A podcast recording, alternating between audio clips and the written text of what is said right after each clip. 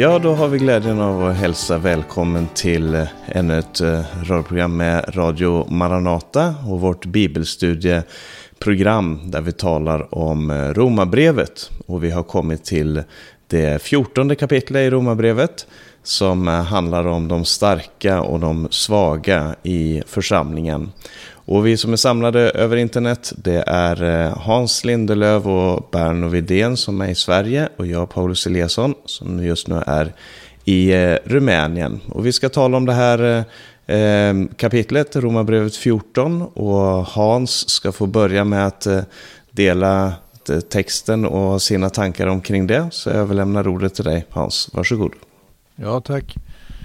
Romarbrevet 14 då ja. Och jag tror att vi har fattat det så att eh, det som egentligen Paulus börjar i tolfte kapitlet, det fortsätter han här med en, en lit, kan man säga, inte avvikelse men eh, undervisningen om överheten kommer ju liksom som ett lite grann, eh, ja, som en eh, kontrast till det här med församlingen. För det är församlingen och församlingslivet som han särskilt ägnar sig åt. Även i det fjortonde kapitlet. Och jag läser från början till och med vers 9. Om någon är svag i tron så upptag honom dock vänligt utan att döma över andras betänkligheter. Den ene har tro till att äta vad som helst under det att den som är svag endast äter vad som växer på jorden. Den som äter må icke förakta den som icke äter. Inte heller må den som icke äter döma den som äter, för Gud har upptagit honom. Och vem är du som dömer en annans tjänare om han står eller faller? Det kommer allenast hans egen Herre vid. Men han ska väl bli stående, för Herren är mäktig att hålla honom stående. Den ene gör skillnad mellan dag och dag, den andra håller alla dagar för lika, var och en var det fullt viss i sitt sinne. Om någon särskilt aktar på någon dag så gör han detta för Herren. Och om någon äter så gör han detta för Herren. Han tackar ju Gud. Så och om någon avhåller sig från att äta gör han detta för Herren och han tackar Gud. Ty ingen av oss lever för sig själv och ingen dör för sig själv. Lever vi så lever vi för Herren. Dör vi så dör vi för Herren. Om vi lever eller dör så hör vi alltså Herren till. Därför har Kristus dött och åter blivit levande, för att han ska vara Herre över både döda och levande. Eh, jag tycker att det är lite också här nästan förvånande över att eh, hur han börjar liksom tackla en situation här i församlingen i Rom. Så det har mycket gemensamt med undervisningen i första Korinthierbrevet. Det, det handlar om en församling i Grekland. Frågan handlar här inledningsvis om de som är svaga i tron. Och jag tycker det, det är faktiskt värt att eh, riktigt, lite grann stanna inför. Därför att för, i, i Bibeln läser vi annars, och i Gamla Testamentet särskilt, om att antingen har vi tro eller så har vi inte tro. Och de som hade tro, de hade tro som verkligen var enorm. Som förde stora folk genom eh, vatten och över berg och genom eld. Det var verkligen tro det. Daniel och hans medbröder i Babel kan vi tänka på. Hur Daniel klarade sig eh, med Guds hjälp genom lejongropen. Så att eh, det som liksom är en väldig betoning kan man säga, klar betoning på att ha tro och ha en stark tro. Det kommer här att nyanseras. Jag, jag, och jag är lite fundersam på hans sätt att nyansera det. Eh, därför att vi ser när vi läser sammanhanget, att det handlar nu om föda och man kan säga kulturella uttryck som är inte definitivt avgörande för, för det gudsförhållande som människor har på grund av frälsningen i Jesus Kristus. Och Jag vet inte om man inte kan säga att det som faktiskt han jobbar lite grann med här, aposteln, det är det som vi brukar kalla för religion. Det kallas för kalender här. Kalendern har en viss betydelse. Den har en större betydelse för somliga än för andra. Därför att, och, och, men det handlar om människor som tror på samme Jesus. Den ene har tro till att äta vad som helst. Under det att den som är svag endast äter vad som växer på jorden. Den som äter ska inte förakta den som inte äter. Inte heller ska den som icke äter döma den som äter, för Gud har upptagit honom.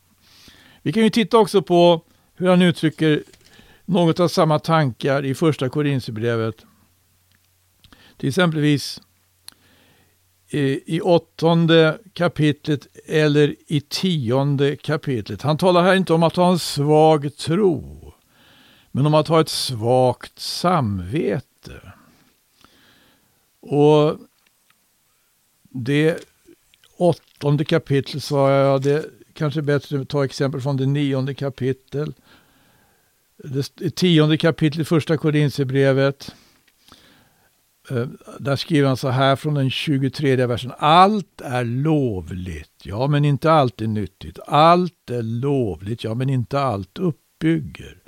Ingen söker sitt eget bästa utan en var den andres. Allt som säljs i köttboden, det kan ni äta. Ni behöver inte för samvetets skull göra någon undersökning därom.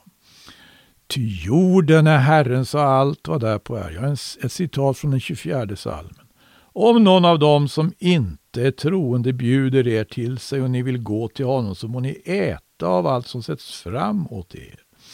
Ni behöver inte för samvetets skull göra någon undersökning därom. Men om någon då säger till er, det här är ju offerkött, så ska ni avhålla er från att äta, för den mans skull som gav saken till känna och för samvetets skull. Jag menar inte ditt eget samvete, utan den andres. För varför skulle jag låta min frihet dömas av en annans samvete? Alltså, Eh, att vara svag i tron eller att ha ett, som det heter här, svagt samvete. Det är kinkiga situationer som han liksom vill hjälpa oss och orientera oss i här. Men vi ser att det går ju ett stråkdrag genom allt det här.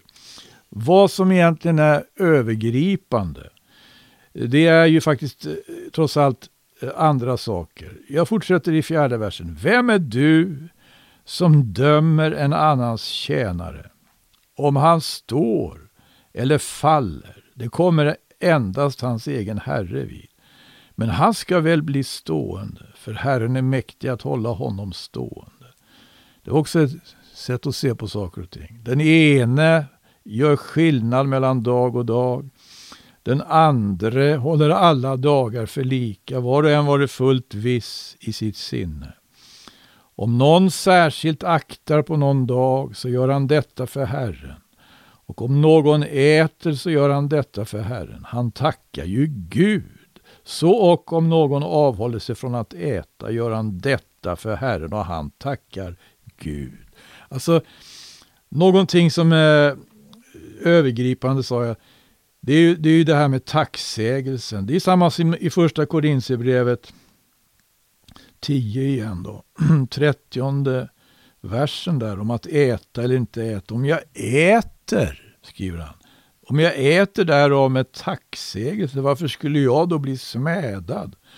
För det som jag tackar Gud för. Kärleken är ju en övergripande, ett övergripande stråkdrag här.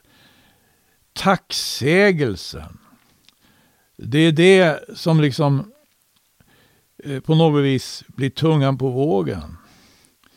Och inte att man går och liksom eh, synar varandra när det gäller alla möjliga sådana här enskildheter som föda eller kulturella uttryck eller dagar. Ty ingen av oss lever för sig själv och ingen dör för sig själv. Lever vi, så lever vi för Herren. Dö, dör vi, så dör vi för Herren. Om vi lever eller dör, hör vi alltså Herren till. Ty därför har Kristus dött och återblivit levande, att han ska bli Herre över både döda och levande. Kristus, ja, om något är övergripande här så är det ju Kristus, han som är Herre över både levande och döda. Vad är det som liksom eh, framförallt är, de, man säger, prövostenarna här? Det är alltså, eh, älskar vi varandra? Kärleken. Kristus. Ty så älskade Gud världen att han utgav sin enfödde son på det att var och en som tror på honom icke ska gå förlorad utan ha evigt liv. Tacksägelsen. Tacksägelsen. Och pris Gud, Jesus Kristus själv. Därför har Kristus dött och åter blivit levande, att han ska bli Herre över både döda och levande. Lite grann mina funderingar. Mm. Tack ska du ha Hans. Ja, eh, Berno, har du några tankar om de här inledande verserna i texten också?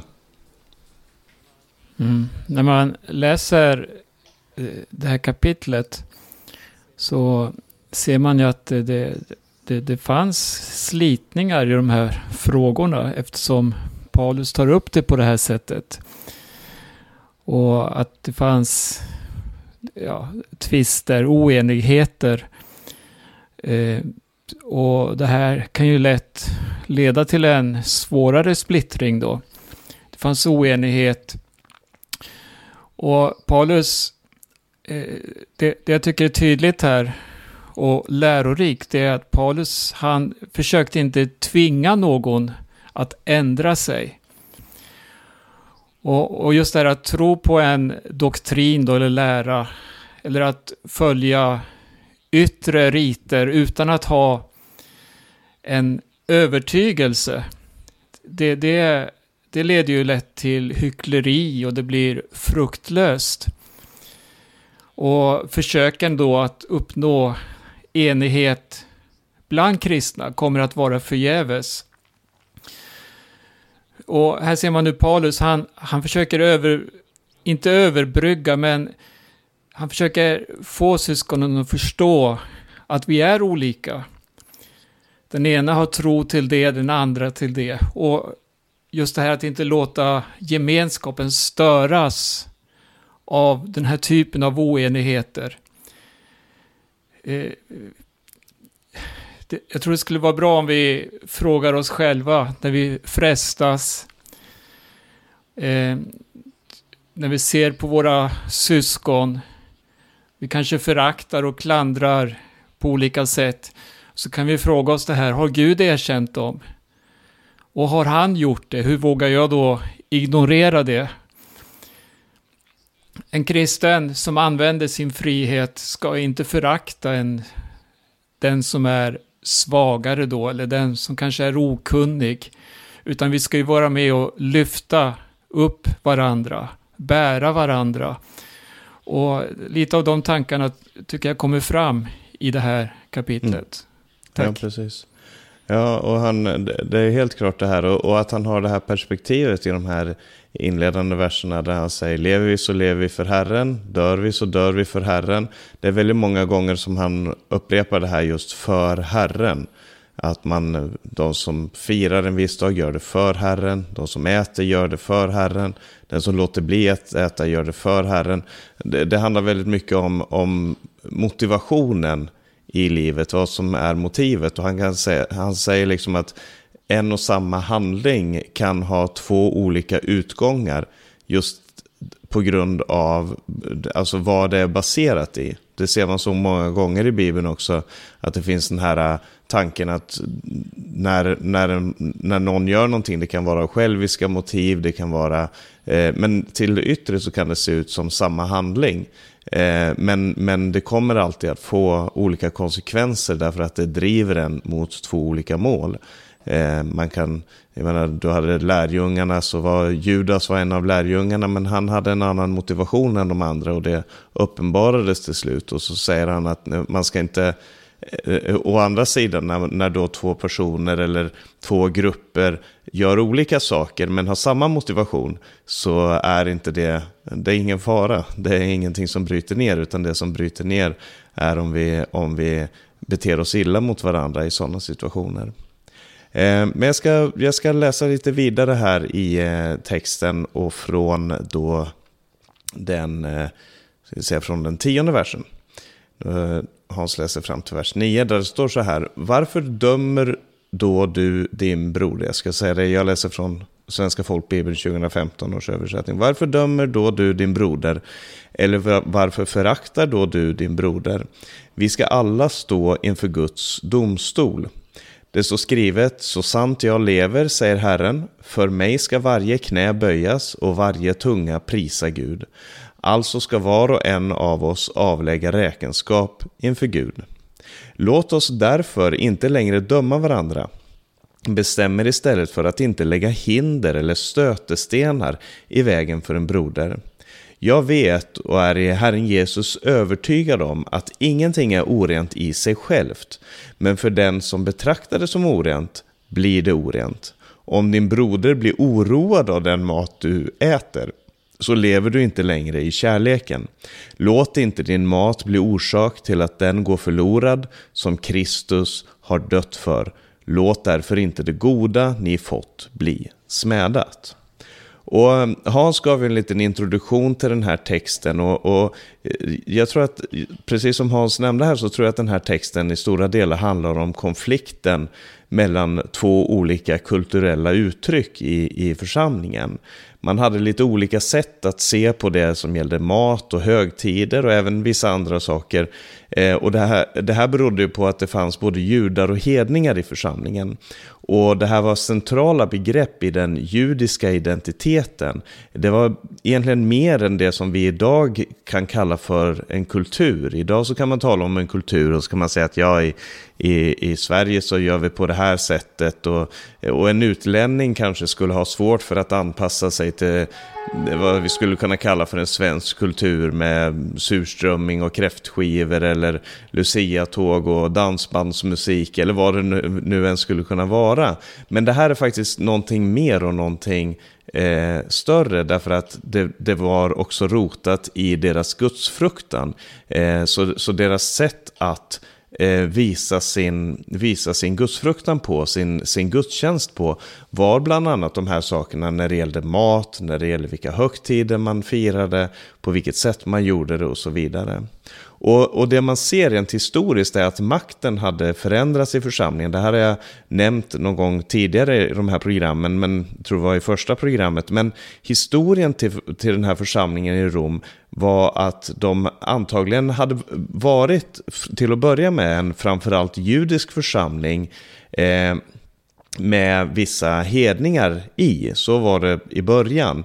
Eh, och då, då faller det sig naturligt att den som dominerar kulturen är också den som definierar hur eh, saker och ting ska göras. Så att andra får anpassa sig efter det vi kan kalla för majoritetskulturen. Då.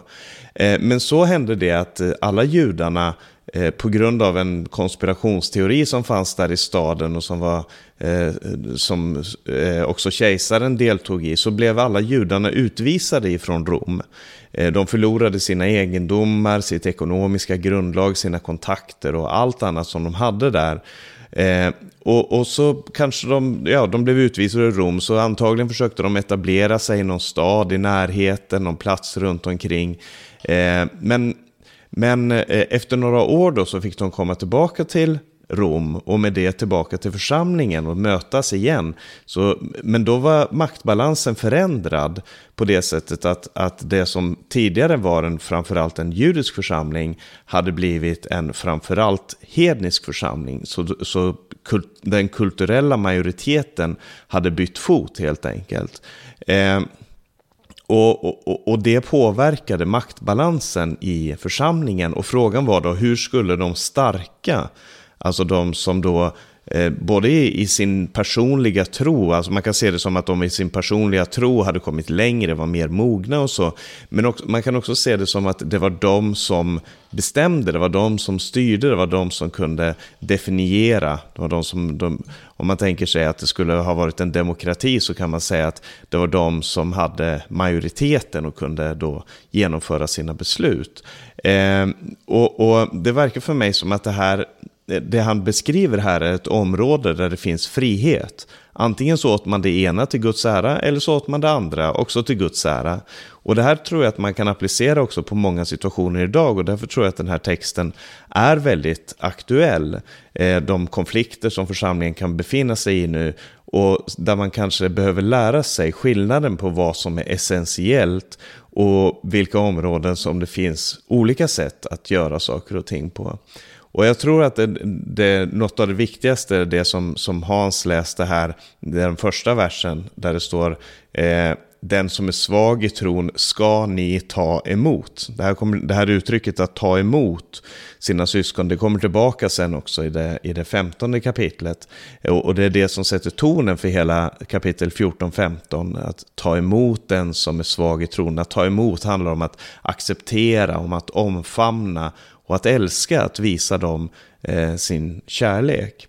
Så vad säger han i texten här? Jo, eh, varför dömer då du din broder? Eller varför föraktar då du din broder? Vi ska alla stå inför Guds domstol. Det är så skrivet, så sant jag lever, säger Herren, för mig ska varje knä böjas och varje tunga prisa Gud. Alltså ska var och en avlägga räkenskap inför Gud. Det är de första tre verserna i det jag läste här tidigare. Och, och, det finns två olika perspektiv här som man, som man behöver se på. Det ena är att eh, vi som troende är kallade att ha ett engagemang för våra syskon. Att vi inte distanserar oss och blir känslokalla, utan precis som man säger här, att vi tar emot varandra. Att vi, att vi har den attityden i oss som är ta emot och, och acceptera och, och, och, vara nära någon. Låt oss se på varandra, står det i Hebreerbrevet. men å andra sidan eh, så vet vi att var och en ska själv göra sin räkenskap. Alltså han säger vi ska alla stå inför Guds domstol. Och jag kan tänka mig att de som Paulus talar till här kunde gå med på att de på ett sätt dömde sina syskon. Han säger varför dömer då du din broder? Och det kunde de väl kanske vara med om. De tyckte att de hade rätten på sin sida. De hade möjligheter. Dom, det handlar om rättfärdighet, om att göra någonting på, på, på rätt sätt. Och, så. och de tyckte att de gjorde det rätta och kunde lära sina syskon vad som var rätt och fel. Men Paulus säger här att eh, det här grundar sig i förakt för de här människorna. Därför att det, det de gjorde, det de andra gjorde på sitt sätt att känna Gud, det var att eh, det gjorde de för Herren. Och därför så är det så viktigt för dem att säga att när, när, du, när du dömer människor som gör det här för Herren så, så eh, föraktar du de människorna. Och man kan ju fråga sig, är det de starka här som dömer de svaga eller är det tvärtom? Och, och jag tror, precis som vi läste här i den texten som Hans läste här, så står det att man, den, den som äter ska inte förakta den som inte äter och den som inte äter ska inte döma den som äter. Så det handlar inte bara om att några är, är liksom... Eh, det, det, handlar inte om att hitta den skyldige i historien, utan det handlar om att få alla att förstå det här. Vi behöver ta emot varandra. Och framförallt kanske de som är starkare, eh, som ska bära de svaga svagheter, behöver ta initiativet till att ta emot de som är svagare. Och så citerar han Jesaja 45, vers 23, där det står om att alla ska böja sig inför honom och varje tunga ska prisa Gud. Och, och det är väldigt viktigt eh, därför att eh, för att ödmjuka sig inför sina syskon är att ödmjuka sig inför Gud. Varje tunga ska prisa Gud, alla ska böja sig inför honom. Och hur tar det sig sitt uttryck? Jo, genom att vi tjänar varandra. Så det här hänger ihop. Eh, men det är inte hela resonemanget för att eh, han, poängen är också att var och en individuellt kommer att ställas till svars för det vi har gjort, för det vi har stått för, eh, för hur vi eh, gav vår ära till Gud. Och därför behöver inte jag få panik av att andra av Jesu Kristi tjänare gör någonting fel. För vi kommer inte att dömas som ett kollektiv och därför så kan vi, vad ska jag säga, slappna av. Men ändå förmana, uppmana, uppmuntra och, och tala med syskonen på ett sätt som gör att vi tar emot varandra. Och sen står det i den trettonde versen, låt oss därför inte längre döma varandra, bestämmer istället för att inte lägga något hinder eller stötestenar i vägen för en broder. Eh, jag ska komma in lite på de grekiska orden här för att det är lite intressant, alltså orden i, i eh, originaltexten då. Han säger att låt oss inte döma varandra, det heter på grekiska krino. Och sen bestämmer istället för att, och där ordet för bestämma det är också krino. Eh, det, här, det här ordet krino kunde användas både för att alltså man, man gör en bedömning av någonting, man, man gör en slutledning, så man, någonting man kommer fram till. Och, och, eh, så det kan användas som det och det kan användas som att man dömer någon. Eh, och, och, så på ett sätt så säger han håll inte på att bedöma andra, se till att du dömer dig själv först.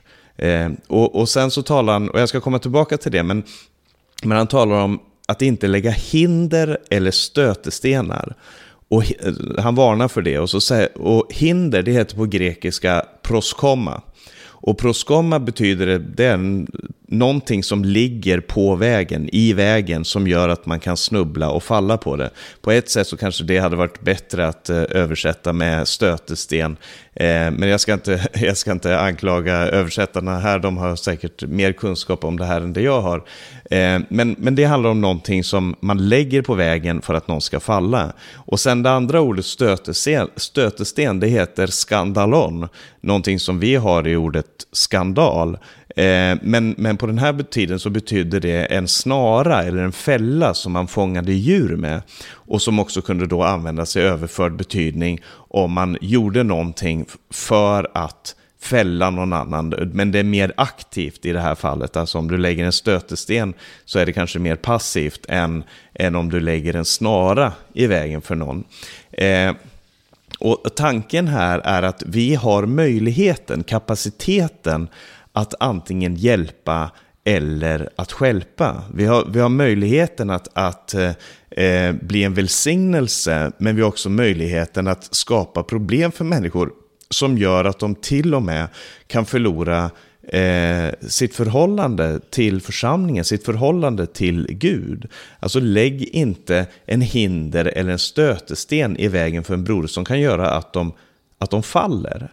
Eh, det är en kapacitet som vi har och det är, eh, det är en beslutning, ett beslut som man kan, faktiskt kan göra i sig själv, hos sig själv, i sitt eget förhållande till Gud och säga jag ska inte vara orsak till att någon annan faller med mina ord, med mina handlingar. Jag ska inte lägga saker och ting i vägen, snaror, hinder för människor att eh, att lära känna Gud, att älska Gud, att, att eh, komma in i gemenskapen med honom.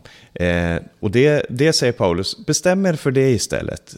Lägg energin där. Och så fortsätter han och säger, jag vet och är i Herren Jesus övertygad om att ingenting är orent i sig själv.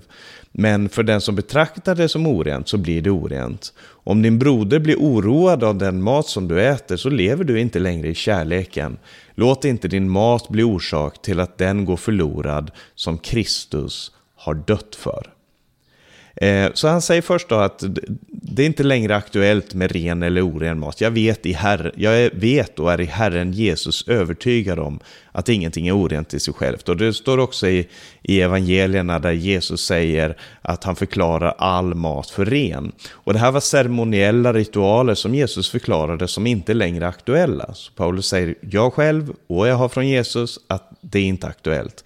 Men det fanns många syskon i församlingen som upplevde det här som en viktig del av deras trofasthet till Gud. Det var så man uttryckte sin trofasthet till Gud.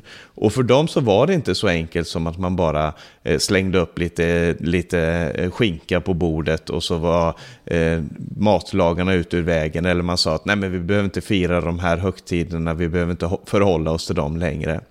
Och det här tror jag att vi också kan se att det kan appliceras på vår tid. Man, ska, man får vara försiktig så man inte eh, överapplicerar det här. Men, men det kan handla om, om alltså, saker och ting som kanske inte är till fall för mig.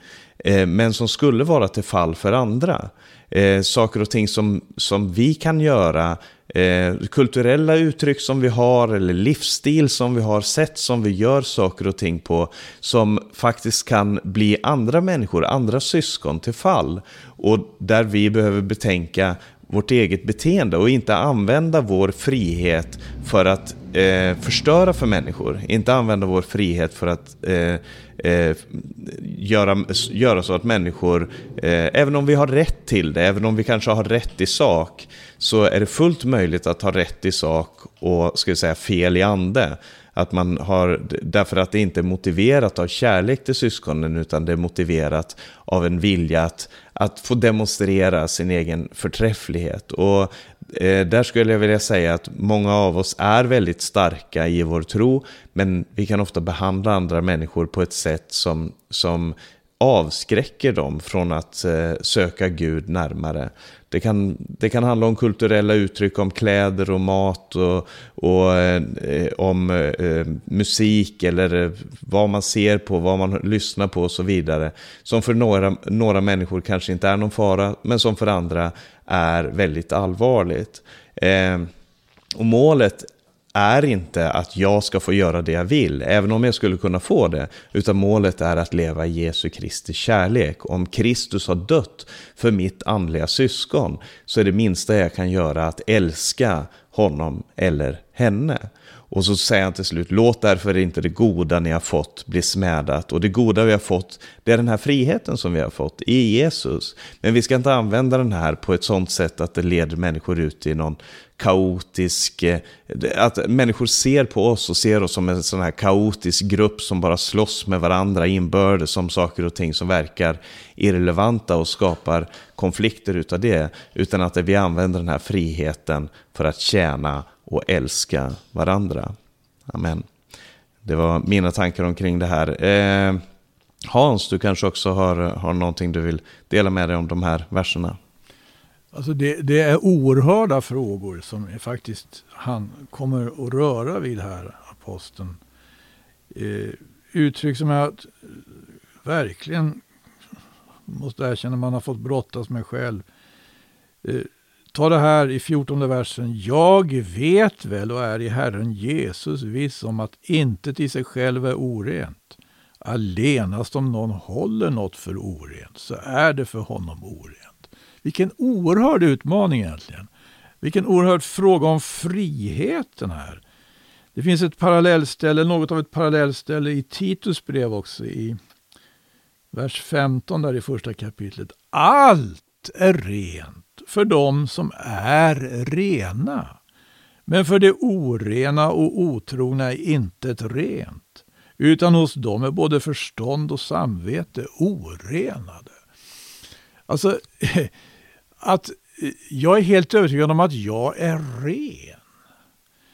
Det kan ju inte bara hänga på min övertygelse, Det måste ju finnas någon avgörande eh, instans då.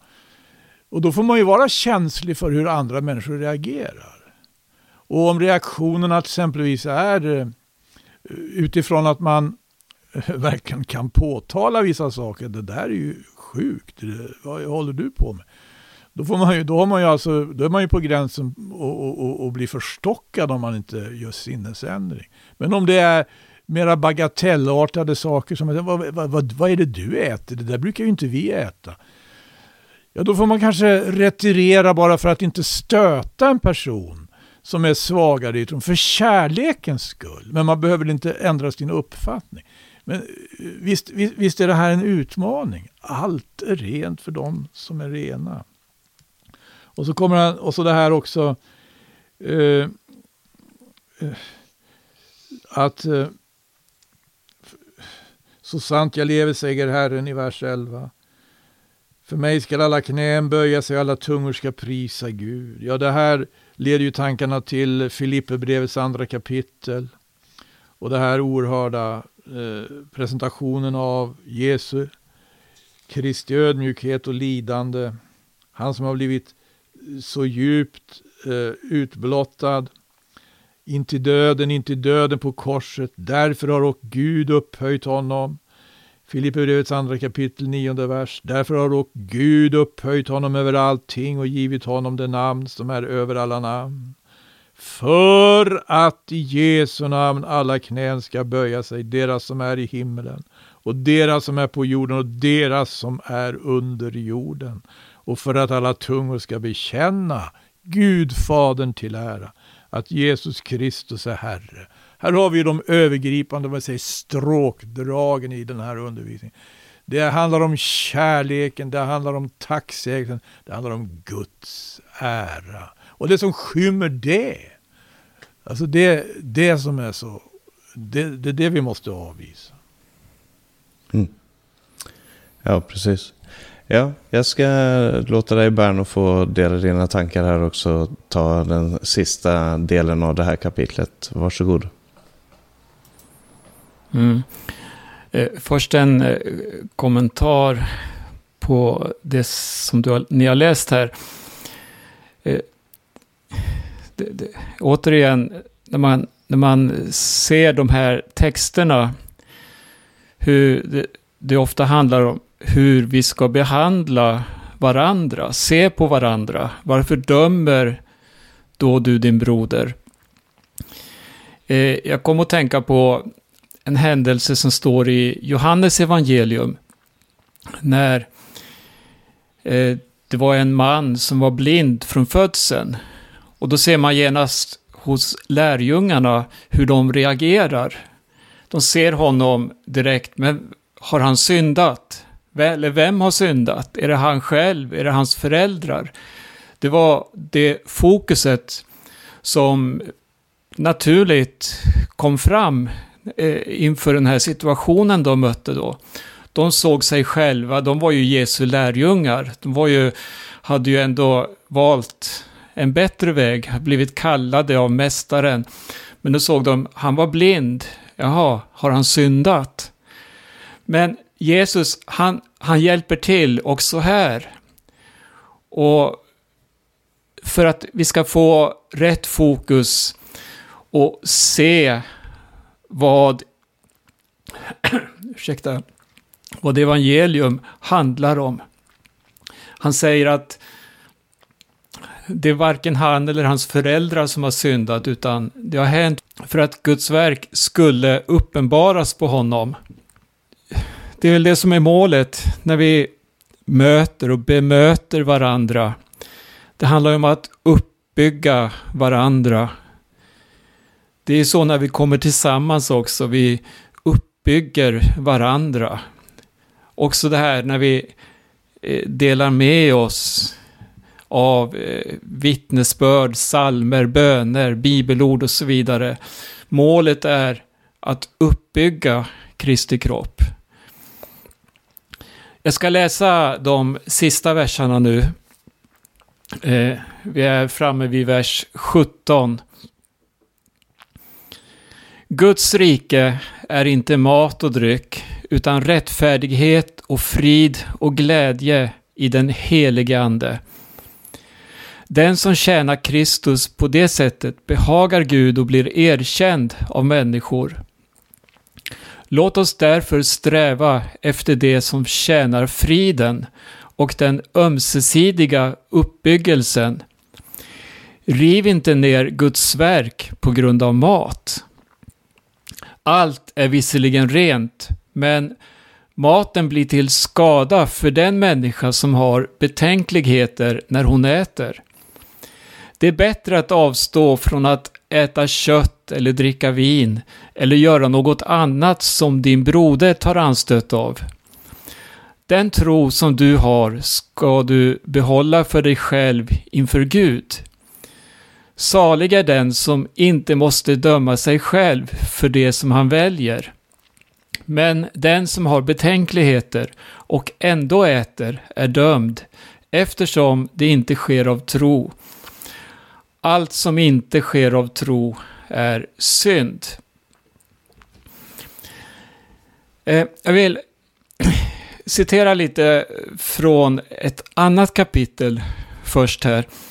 Eh, där Paulus skriver till församlingen i Korint. Korinthierbrevets åttonde kapitel. Där står det om den kristne och samvetet. Och här tar Paulus också upp det här med matfrågan. Och det står i vers 8 så här. Det är inte maten som för oss närmare Gud. Äter vi inte så förlorar vi inget. Äter vi så vinner vi inget. Men se till att den frihet ni fått inte blir till fall för det svaga. Och se samma tankesätt komma fram här. Och det står längre fram i vers 11. Genom din kunskap går då den svage förlorad, din broder som Kristus har dött för. När ni på så sätt syndar mot bröderna och sårar deras svaga samveten, ja då syndar ni mot Kristus. Så, han talar om maten, om den då blir till fall för min broder, ja då tänker jag aldrig mer äta kött, skriver han här. Så det, man ser att han har det här med omtanken och vården om varandra som något väldigt viktigt. Någonting som vi verkligen bör tänka på. Eh, I vers 17 läste vi att Guds rike är inte mat och dryck. Och Jesus han undervisar också om det här i bergspredikan bland annat. Han säger bekymra er därför inte och fråga inte vad ska vi äta eller vad ska vi dricka, vad ska vi klä oss med. Allt detta söker hedningarna efter, men er himmelske far vet att ni behöver allt detta.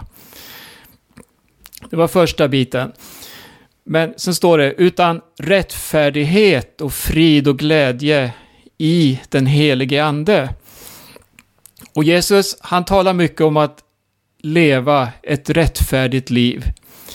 Sök först Guds rike, fortsätter eh, Matteus 6, och hans rättfärdighet, så ska ni få allt det andra också. När det talas om dom och straff, vi ska ju göra räkenskap inför Gud, då är det nästan uteslutande i samband med hur man lever sitt liv. Just livsstilen, moralen. Eh, det talas om förnöjsamhet och givmildhet. Eh, och så ställs det mot de här eh, dåliga eh, egenskaperna som begär och egoism, njutning, omoral och så vidare. Och Paulus, han skriver eh, också till Korint att det här att vet ni inte att orättfärdiga inte ska få ärva Guds rike? Så här handlar det om mat, här handlar det om små saker tycker man, men ändå handlar det inte just om maten. Utan det handlar ju om, som det står i 18 versen här, att tjäna Kristus på ett sätt som behagar Gud. Och den som gör det blir också erkänd av människor. Att behaga Gud, leva rättfärdigt, frid, glädje, ja det är ord som vi har med en enorm betydelse. När det gäller Gud, då är vårt stora intresse att framträda inför honom rättfärdiggjorda genom Kristi död. Vi är ju helgade genom anden av hans nåd. Alltså den helige ande utför verket i våra liv så att vi kan leva detta som är Kristus till behag. Och den rättfärdige Herren, han älskar rättfärdighet, rättvisa och så vidare. Erkänd av människor läser vi här. När det gäller våra syskon då så handlar det om att leva i frid, kärlek, barmhärtighet med dem.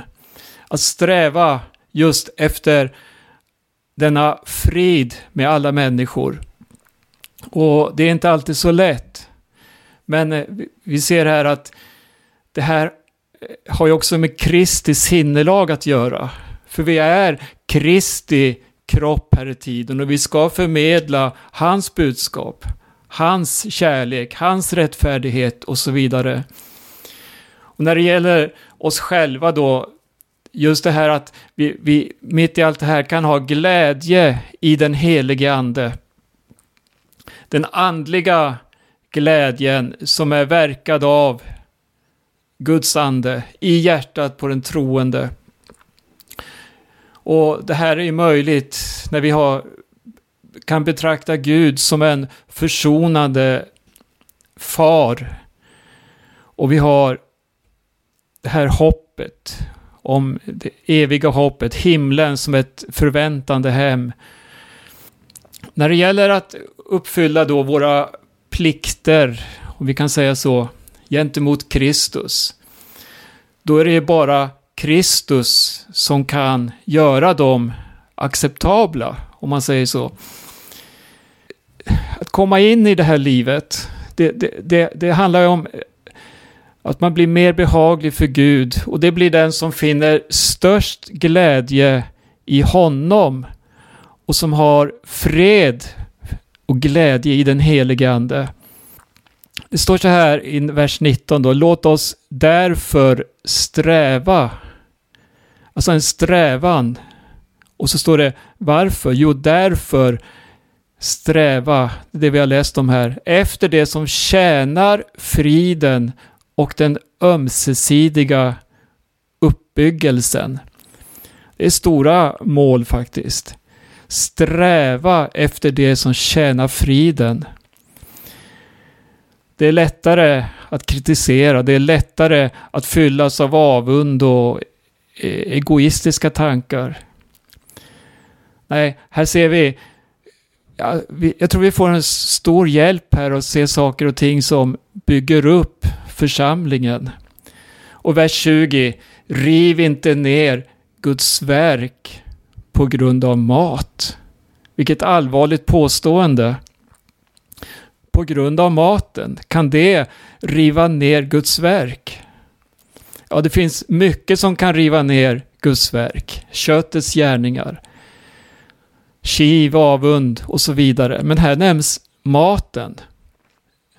Allt är visserligen rent, men maten blir till skada för den människa som har betänkligheter när hon äter. Många förstör Guds verk inom sig själva genom mat och dryck. Osunt leverne. Men inget förstör en människas själ mer än att tillfredsställa köttets begär och lust. Och tillåtna saker kan bli otillåtna då om det sker genom att vi kränker vår broder. Eh, jag läser vers 21. Det är bättre att avstå från att äta kött eller dricka vin eller göra något annat som din broder tar anstöt av. Och 23 versen. Men den som har betänkligheter och ändå äter är dömd eftersom det inte sker av tro. Allt som inte sker av tro är synd. Ja, vi har ju talat om tro här och på olika sätt. Har du tro? Det handlar eh, här, tror jag, om kunskap och klarhet när det gäller vår kristna frihet. Alltså, vi kan njuta av den bekvämlighet som tron ger på ett sätt. Men vi, vi får inte bli andra till fall genom att missbruka vår tro. Och vi bör inte heller agera mot någons samvete som har tvivel då. I Kristuslivet så finns det utmärkta välsignelser. Det här består ju inte egentligen då av yttre riter, ceremonier, av olika regler, matregler och så vidare. Utan återigen, det består av rättfärdighet, frid och glädje i den helige Ande. Det är en gudstjänst verkligen. Och den är att föredra framför alla andra tjänster. När vi tjänar Gud, då kallas vi inte att leva och dö för oss själva, utan för Kristus och för varandra. Det är honom vi tillhör och det är honom vi ska tjäna. Och det gör vi när vi ser på varandra och lyfter upp varandra på det sätt som vi kan läsa om här. Ha vård om varandra.